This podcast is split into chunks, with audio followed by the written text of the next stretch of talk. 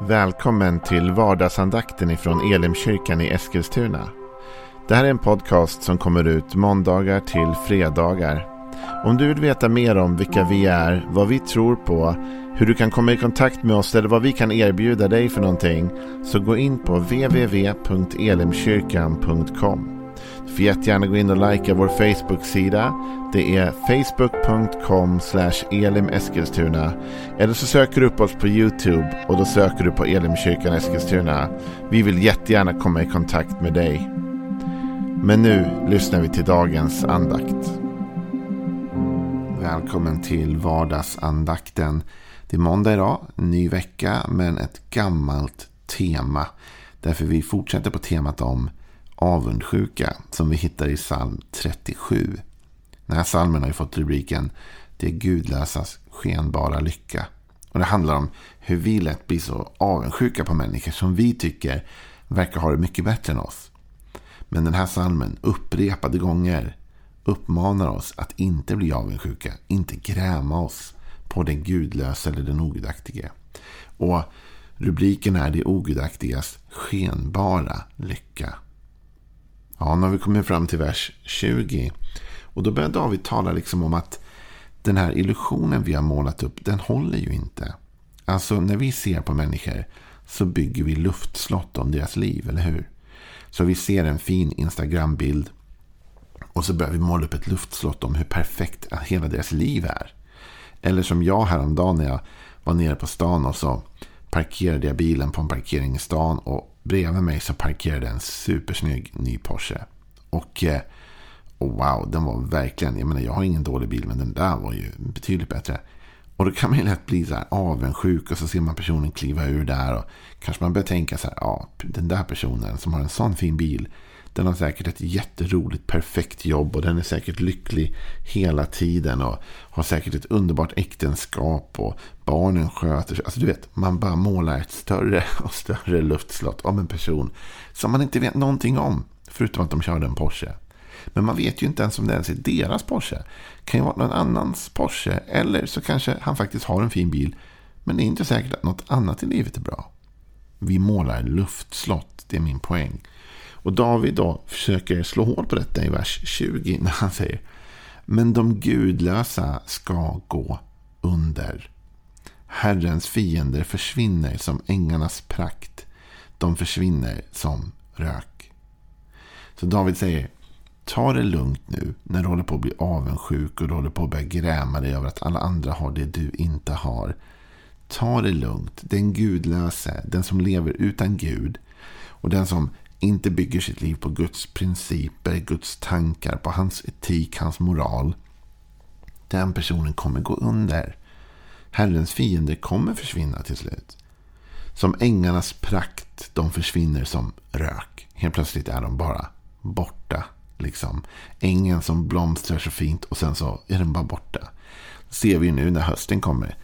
Efter en vacker sommar där det har blommat och allting du vet. Och nu helt plötsligt så är den blommande ängen inte lika blommande längre. Utan nu börjar den försvinna. Nu faller löven, nu kommer hösten. Helt plötsligt är prakten borta. Det här är den kunskap som också psalmisten i psalm 73 kom till. Psalm 73 är en bra parallellsalm att läsa till just psalm 37. Därför det är också en psalmist som är upprörd över vad han tycker att den gudlösa har framgång. Och i den 16 versen har vi redan läst, men jag gör det igen. Vi gjorde det för några eh, dagar sedan, eller vad det kan ha varit. I vers 16 i psalm 73 står det. När jag försökte förstå detta, då tycktes det mig allt för svårt. Tills jag gick in i Guds helgedom och insåg hur det går för dem till slut. På hal mark ställer du dem, du störtar ner dem i fördärvet. Hur plötsligt går de inte under. De förgås och får en ände med förskräckelse. Liksom drömmen är borta när man vaknar ska du, Herre, förakta dem som skuggbilder när du griper in. Här talar psalmisten om att botemedlet mot avundsjukan är att slå hål på luftslottet. Är att inse att det där varar inte för evigt. Den där framgången, den där lyckan, det där som jag tycker ser så perfekt ut. Om inte Gud är med i det kan det aldrig hålla i tidens längd. Därför Gud är det vi ska bygga våra liv på. Jesus han talar om detta. Att man kan bygga sitt liv på olika grund. Och det fanns de som lyssnade till hans ord och byggde utifrån dem. Och den personen, sa Jesus, den, den bygger smart. Den bygger som en grund på en sten eh, på, på ett berg. Och stormen kommer, kastar sig mot huset. Men huset kommer stå kvar därför att det står så stadigt. Men, sa Jesus, den som inte lyssnar till mina ord och inte bygger sitt liv efter mina råd. Det är som en dåre, säger Jesus, som bygger sitt hus på sand. Och så kommer stormen och blåser mot huset och huset har inte en chans att klara sig. Det här är de luftslott som vi målar upp. Alltså den människa som har byggt sitt liv på en stadig grund. Det är den människa som bygger på Gud. På hans ord, på hans etik, på hans moral. Och som bygger realistiskt och stadigt. Ja, men den som bygger på sand kanske till synes har ett vackrare hus än du ibland. Kanske ligger närmre vattnet än vad du gör, så att säga. Kanske har ännu mer pompa och ståt. Men så kommer stormen och om inte grunden är lagd ordentligt så rasar hela bygget hårt. Men då kan man tänka så här. Hur kommer det sig att det ändå tycks ta sån tid innan Gud sänker de gudlösas hus? Om man ska säga så. Hur kommer det sig att, att Gud låter de gudlösa ha framgång så länge? Och hur kommer det sig att Gud inte snabbare vänder på, på liksom turn the tables och ser till att den rättfärdige istället får framgång och den ogudaktige dukar under? Eller vad ni nu ska säga. Lät hemskt. Men ja, du förstår vad jag menar.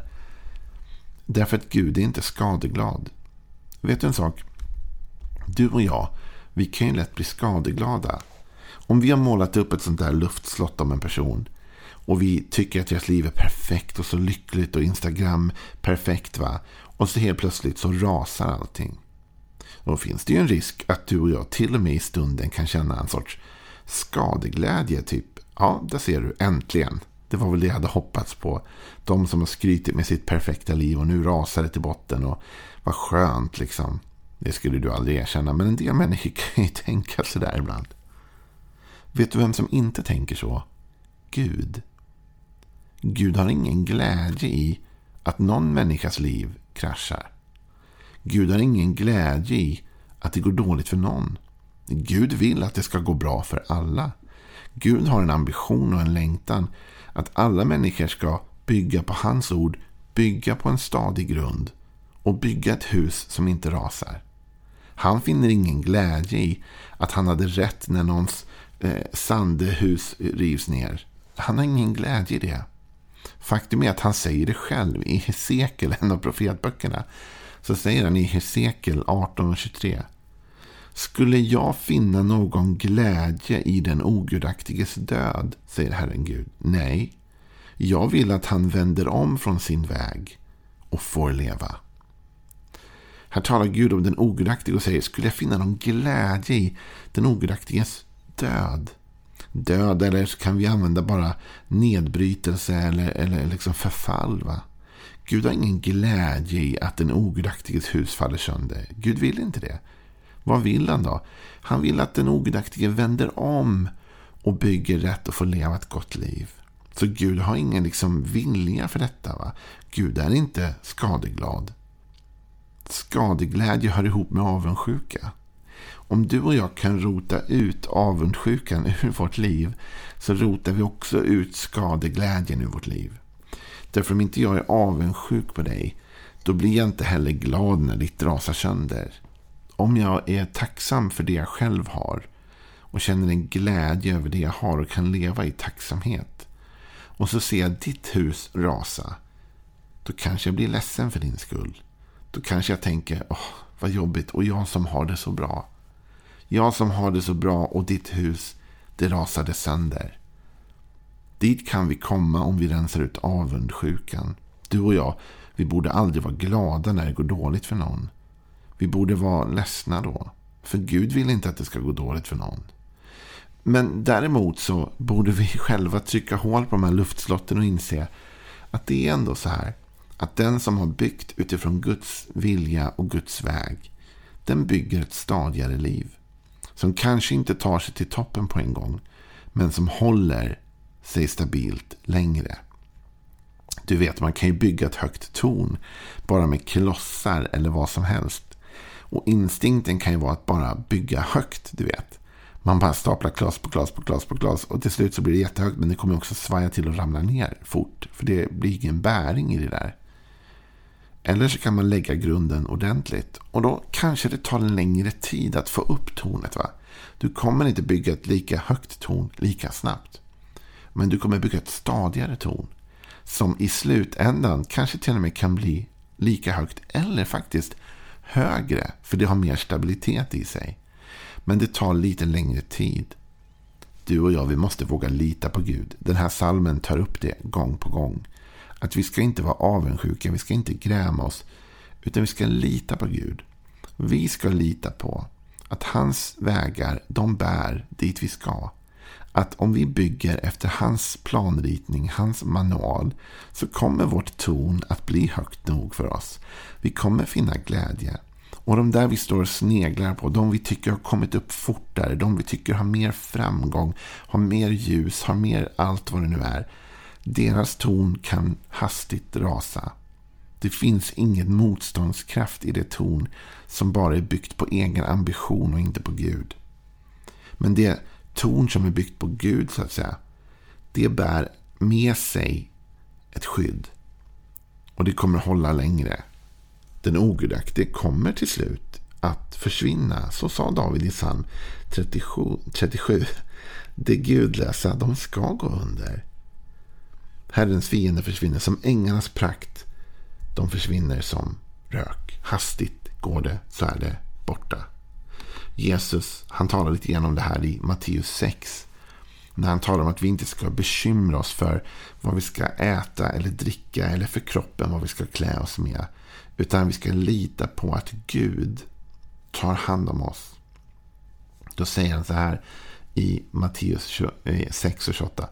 Och varför bekymrar ni er för kläder? Se på ängens liljor, hur de växer. De arbetar inte och spinner inte. Men jag säger er, inte en Salmo i all sin prakt var klädd som en av dem. Om nu Gud ger sådana kläder åt gräset som idag står på ängen och imorgon kastas i ugnen. Hur mycket mer ska han då inte klä er? Så lite tro ni har. Alltså, jag gillar också att Jesus tar upp det här äh, perspektivet av det förgängliga och hur förgängligt det är. Han talar om ängen som idag står och blommar vackert men som imorgon kastas i ugnen. Du vet, vi får för oss att, att det vackra alltid är för evigt och det vi ser, det perfekta, det kommer vara. Nej, det är där idag, det är borta imorgon.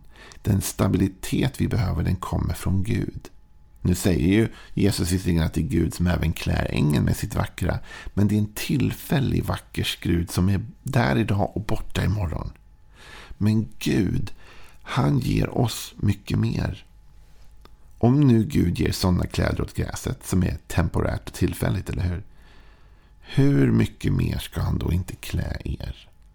Så Gud har en ambition av att få dig och mig klädda. Att få dig och mig till toppen. Men Gud vet att det finns en väg dit och det finns ett sätt att ta sig dit som kanske tar lite längre tid för det bygger en stabilare grund. Men det blir ett hållbart bygge. Du, min poäng till dig idag är detta. Var inte avundsjuk på luftslott. Jag har sagt det flera gånger under de här veckorna, men det är sant. Var inte avundsjuk på en bild som inte ens är sann. Och var inte avundsjuk på den som når framgång, men som inte har byggt en stabil grund utifrån Guds ord. Därför den personen har byggt ett ostadigt bygge och den kommer till slut att gå under. Till slut faller det sönder och då blev det ju ingenting värt. Utan följ Gud. Läs hans ord. Bygg efter hans anvisningar.